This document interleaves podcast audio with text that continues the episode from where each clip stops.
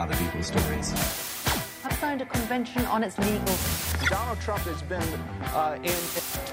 And there are lots of cliches. Japan's economy rebounded. Departure of flight to London Gatwick. I aterrem a Londres. John Carlin, bon dia i bona hora. Bon dia, bon dia. Com està, John? Tot bé per aquí a Londres? Eh, tot molt bé por aquí, sí, sí, no, ninguna queja. O sea, me podía quejar del tiempo, pero es una tontería. O sea, aquí es, es lo que hay y ya está. Avui el John ens escolta des de Londres, però té la mirada fixada a l'Argentina. Buenos Aires se convertirá en la capital del mundo por dos días. El 30 de noviembre y el 1 de diciembre será la sede del G20. Llegarán a la capital de Argentina los líderes más influyentes. Ja ho sentiu, aquests dies se celebra el G20 a l'Argentina. Ens ha deixat ja algunes imatges impagables. Eh, John, a tu per què et crida tant l'atenció aquest G20 que precisament de manera també polèmica se celebra a, la Argentina, ¿no? Bueno, sí, no, no, sé por qué esto se habrá decidido hace tiempo que se hace en, en, Argentina, pero independientemente de que sea en Argentina, en Barcelona o en Timbuktu, eh, a mí me, divierte mucho pensar cómo va a ser el, ambiente entre estos líderes. O sea, hay, muchas tensiones aquí. Será algo parecido a lo que veremos en varias... Eh, familias catalanas navideñas, ¿sabes? Estos conflictos políticos que yeah. vive la gente y tal, solo que multiplicado por bastante más. O sea, por ejemplo, mira, tienes Trump y Putin. A ver, Trump y Putin hay, hay mucha intriga, que evidentemente se quieren muchísimo, pero es un amor que deben esconder. O sea, a, ayer dijo, a primera hora dijo Trump que se iba a ver con Putin, una hora después anunció que no se iba a ver con Putin porque han salido cosas en Washington sobre negocios turbios que ha tenido Trump, Trump en Rusia. Entonces, Trump y Putin será, sería muy interesante observar el lenguaje corporal ahí. Mm. Eh, Trump y Macron también tienen un, un amor un poquito más eh, complicado, en el que se, se dicen cosas eh, bastante agresivas en público y después se dan un beso.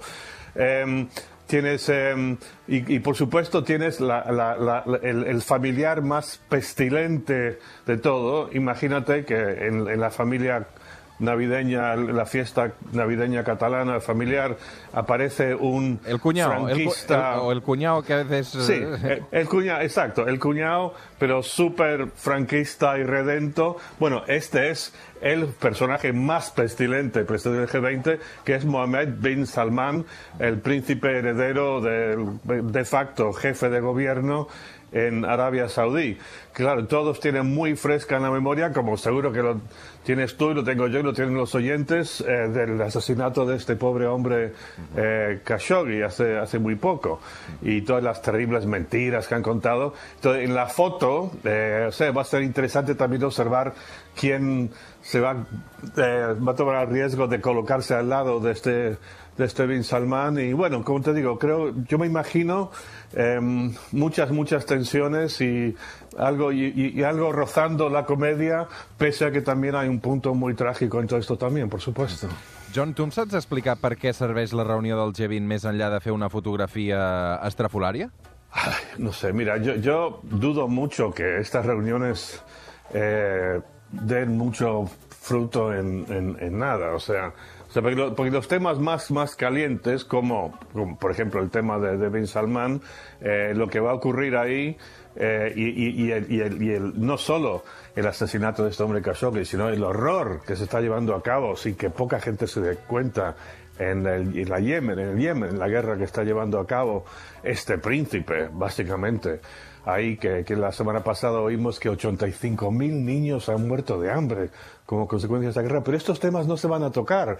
Eh, y claro, interesante, Pedro Sánchez va a estar ahí también. Sánchez, ya el gobierno español ha dicho que no va a haber ningún tipo de boicot, de venta de armas ni nada a Arabia Saudí. Y de cierto modo, la política del gobierno español, no de cierto modo, es, la política del gobierno español es idéntica a la de Trump, solo que Trump es más bestia, más burdo, y sale y dice que como básicamente le da igual si se mató a este tipo o no, van a seguir con las ventas a, con los negocios con Arabia Saudí como, como siempre. Temas como el cambio climático también, que son realmente el tipo de temas que deberían ocupar la atención de los líderes ahí en el G20, no sé hasta qué punto se va a poder avanzar mucho en eso si, si Trump niega que hay un problema con el clima, por ejemplo. Um, re, amb xifres per, per rematar-ho, eh? Atenció, Buenos Aires s'ha blindat per rebre els mandataris del G20 uh, 20.000 policies uh, desplegats per, per la seguretat uh, d'aquesta reunió i organitzar el G20, uh, en aquest cas a l'Argentina, costa 112 milions de dòlars en un país com és precisament l'Argentina, que tampoc eh, està per, per regalar diners. Uh, I precisament parlant de seguretat d'aquests 20.000 policies, John, deixa'm que et pregunti per una altra qüestió que evidentment també ha afectat aquestes últimes setmanes l'Argentina. La elección de la administración es que este partido se va a disputar con ambas hinchadas en la ciudad de Madrid, en el estadio Santiago Bernabéu.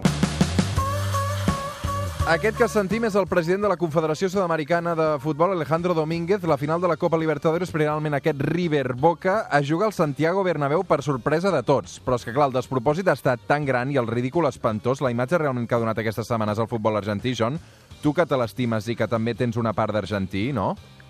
Sí.